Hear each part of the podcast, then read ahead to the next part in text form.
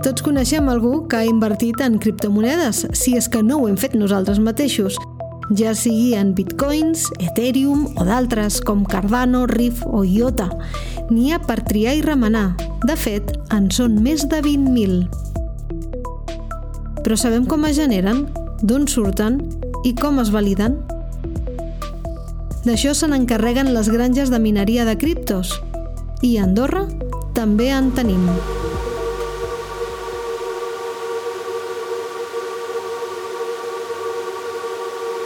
Impressiona o no l'estrèpit que provoquen les computadores que treballen dia i nit, 24 hores, sense descans?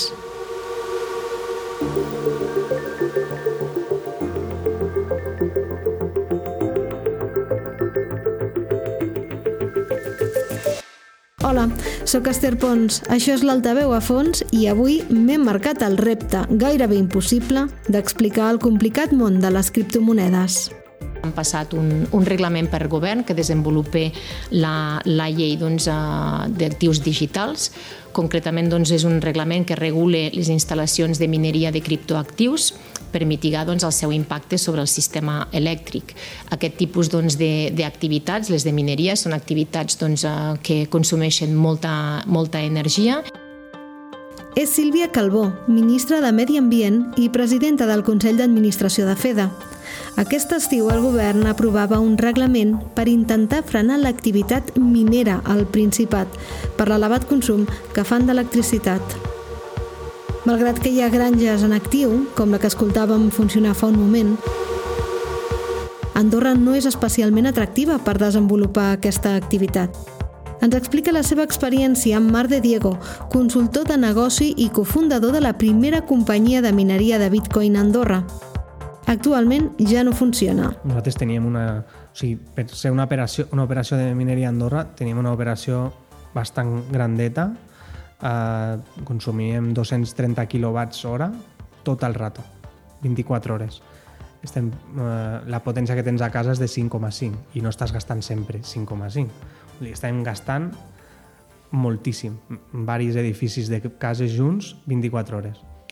Uh, clar, a Andorra, amb aquest tipus de consum, hi, ha, hi havia unes tarifes industrials baixes que permetien ser competitius amb Espanya i amb França. No som competitius al món. Llavors, si tenies unes quantes màquines i volies minar i no haver de suportar el cost de, a, a Espanya o a França, doncs sí que era una bona idea però Andorra no és un bon lloc per minar, cap lloc a Europa és un bon lloc per minar.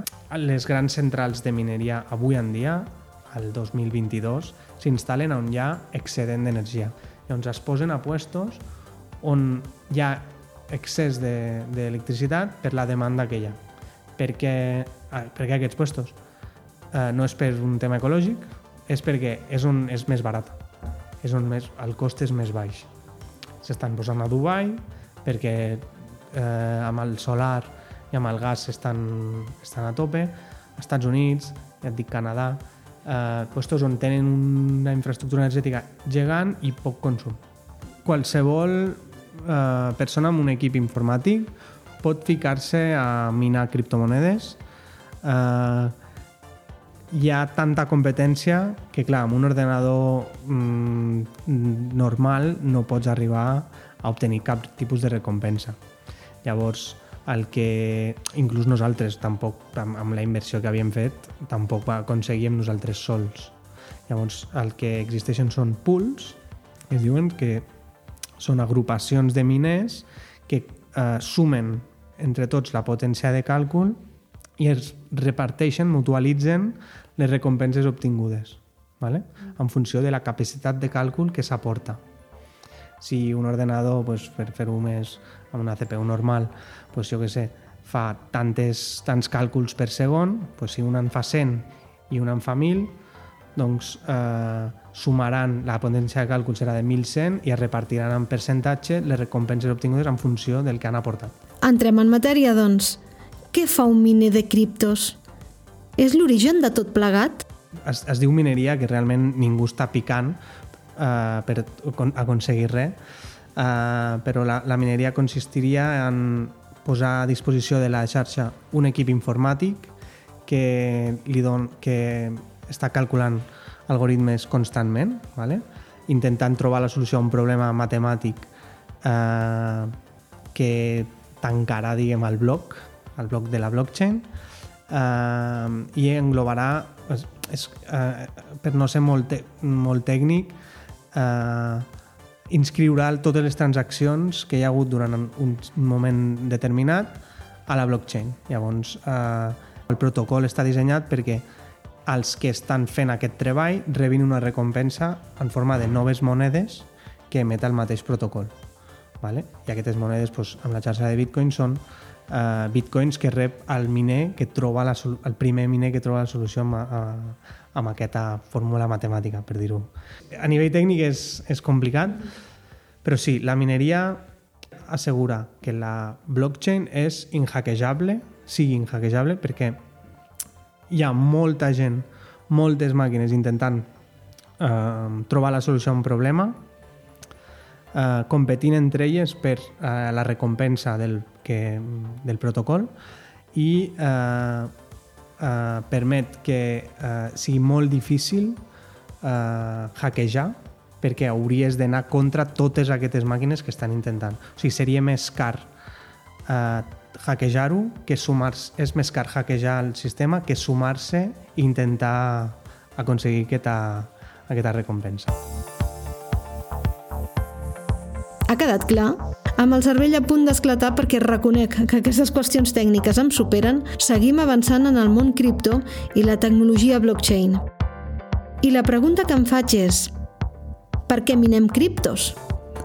Aquestes són les respostes que ens donen Marc de Diego, Àlex Armengol, coordinador de l'àrea de diversificació de la CEA, i Pedro André Miranda, consultor tecnològic i membre d'Enbloc. L'objectiu eh, inicial diguem, de la mineria és assegurar que eh, en un entorn on no hi ha confiança entre les parts eh, es pugui confiar en el sistema i puguem tots, eh, tots donar per vàlida una transacció.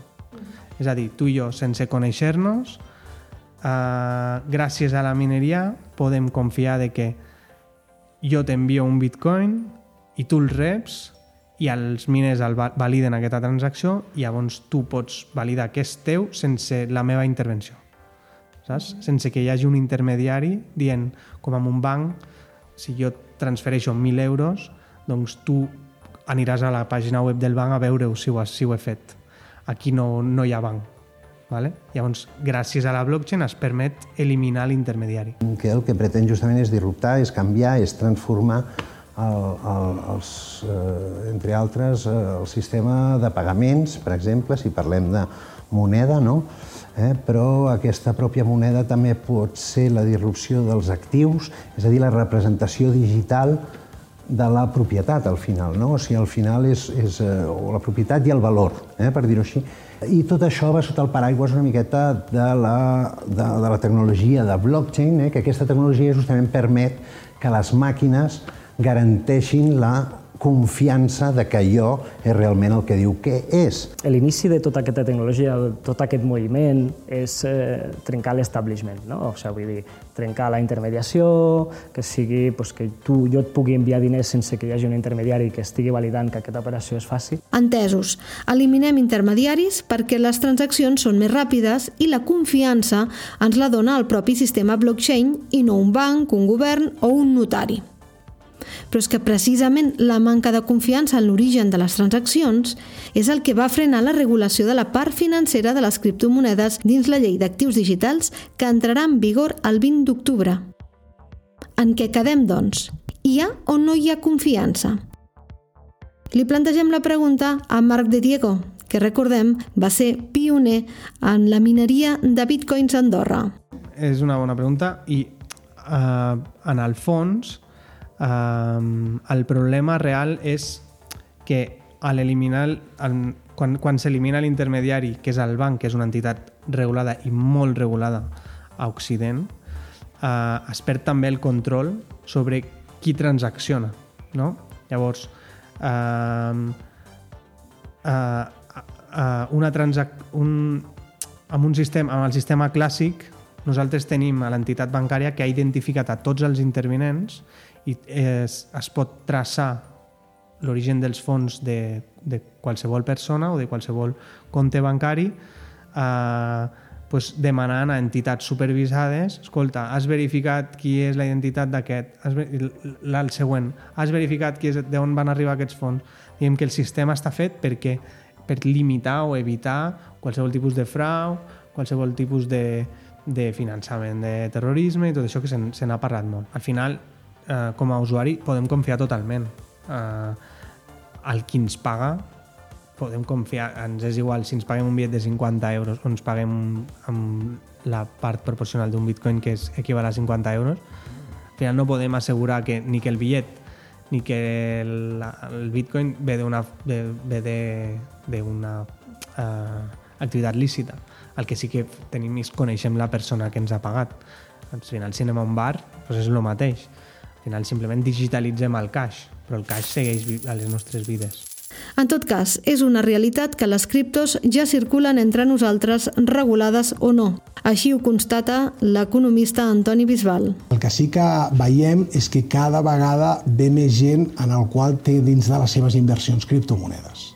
Això sí que es veu, que hi ha gent doncs, per tot el món que hi ha hagut mo molta incidència amb la criptomoneda i gent que té estalvis amb, amb criptomonedes i gent de fora que vol vindre a viure a Andorra eh, per dir-te que tinc criptomonedes i m'agradaria doncs, vindre a Andorra, viure amb aquestes criptomonedes poder convertir aquestes criptomonedes, quina és la fiscalitat que es paguen d'aquestes criptomonedes, si els bancs d'Andorra treballen o no treballen amb criptomonedes. No et sabria dir les dades generals, però el que sí que et dic és que hi ha molta demanda de gent de fora que vol vindre aquí a Andorra pues, a, a invertir, a, a, a viure i que aquestes criptomonedes pues, les pugui utilitzar per la seva vida quotidiana i diària. Sobretot, quan tu compres i vens totes aquestes criptomonedes, s'ha de tindre molt clara la traçabilitat. La traçabilitat és dir, jo vaig comprar aquests diners, aquests diners els vaig convertir en aquestes criptomonedes i aquestes criptomonedes em van donar aquests rendiments i després els vaig vendre. S'ha de tindre molt clara la traçabilitat perquè els bancs t'ho requeriran, si no, no t'ho no deixarien canviar.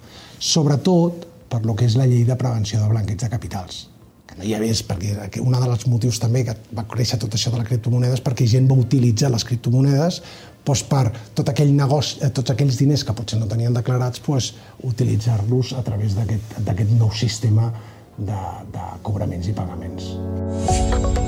Torno a la llei d'actius digitals, que ja hem dit que va quedar a mig camí tot i la necessitat real de regular aquesta pràctica. M'he citat a la plaça del Consell General amb un dels ponents, el conseller del grup independent, Marc Magallón, perquè m'ho expliqui.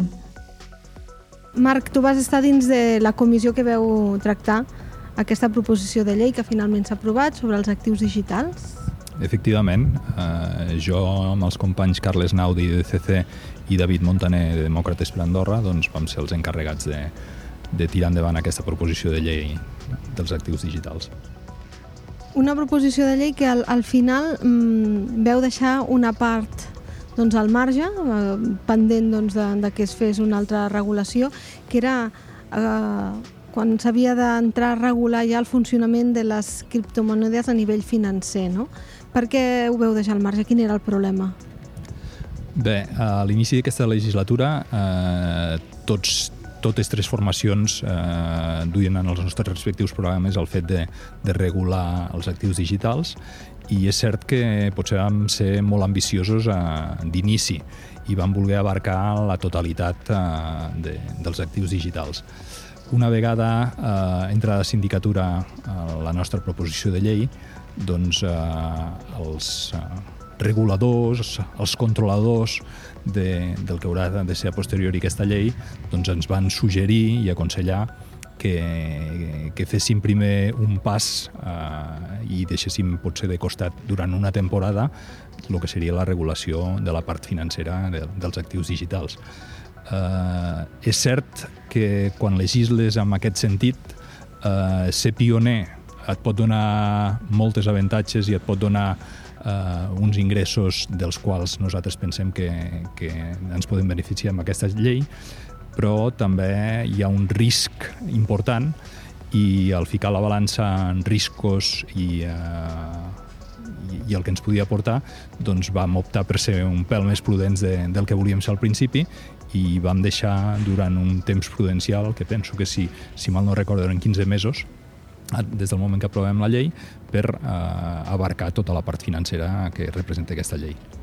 Clar, perquè entrar en la part financera de les criptomonedes ja hauríem de també portar un control, que és el que demanava l'AFA, perquè com tot corria el perill de que per aquí també hi ha tres blanqueig de, de capital i no, no tinguéssim prous mitjans com per portar-ne un control. Està clar que la tecnologia avança a passos de gegant cada dia i eh, disposar d'especialistes pel control de tot això eh, no és evident, eh, ni disposant eh, de partides econòmiques suficients, de vegades els recursos humans eh, eh, en aquest món doncs, eh, es troben a faltar. I és una mica el que ens avisava eh, doncs, l'autoritat financera andorrana, eh, que caldria realment dotar de, de molts més recursos a, a aquest servei per poder-ne fer el control i que no era evident ni, ni que la dotació econòmica hi fos, no, no era evident de poder-ho tirar endavant. Llavors ens han donat aquest marge de temps, eh, penso que encara som a temps de poder-ne treure profit d'aquesta llei. De totes formes, en aquesta legislatura cal, cal recordar que ja vam modificar l'any passat eh, la llei del 2014 dels serveis de confiança electrònica, que era un primer pas, i penso que amb aquesta altra part que hem aprovat d'actius digitals ja també realment han fet un pas endavant en aquest sentit i demostra que hi apostem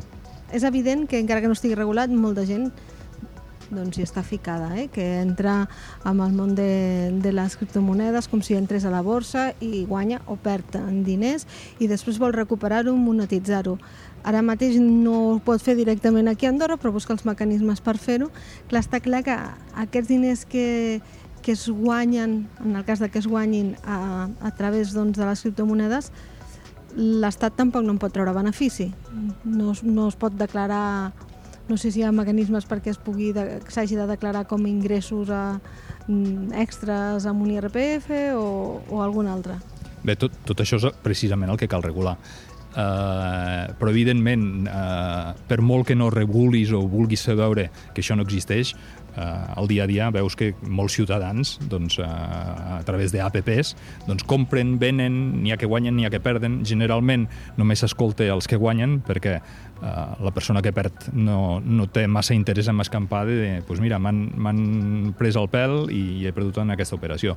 Uh, però és, és, és cert que cal regular-ho perquè uh, ho tenim al dia a dia i és, i és quelcom que, que no podem fer veure que no existeix perquè ho tenim a, cada dia els nostres ciutadans ho practiquen.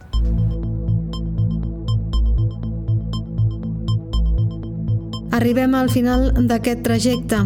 Ja sabem com neixen les criptomonedes, per què neixen i quins són els riscos per començar-hi a operar amb normalitat.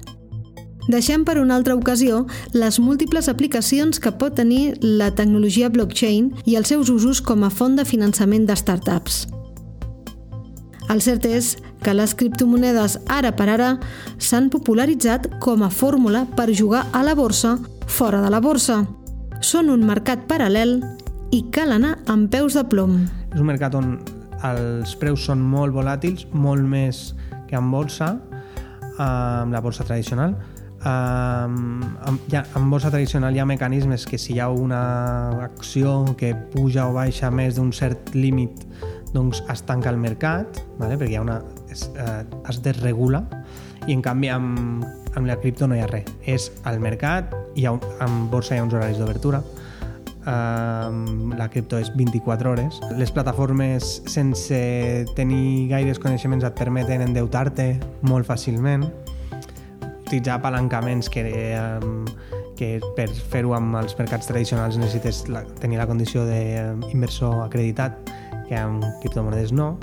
Llavors, clar, permeten a gent eh, amateur, molt amateur, ficar-se i obtenir unes rentabilitats o unes pèrdues molt més importants que en qualsevol mercat tradicional.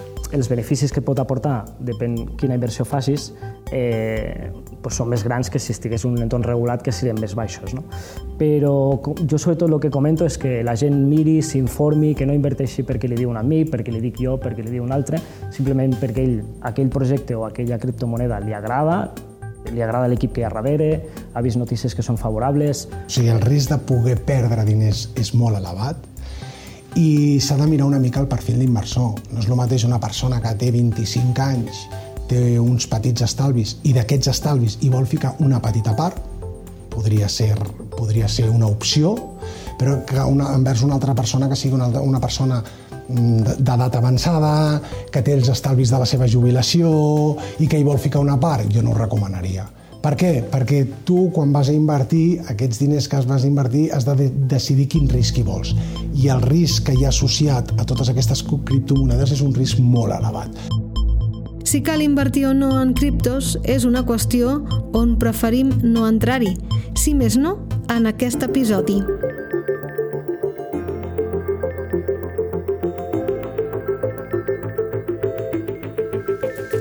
Això ha estat l'Altaveu a fons. En la producció hi ha participat Alba Baró, Eduard Ros i qui us parla, Esther Pons. Esperem que us hagi agradat. Dimecres vinent tornem amb més històries.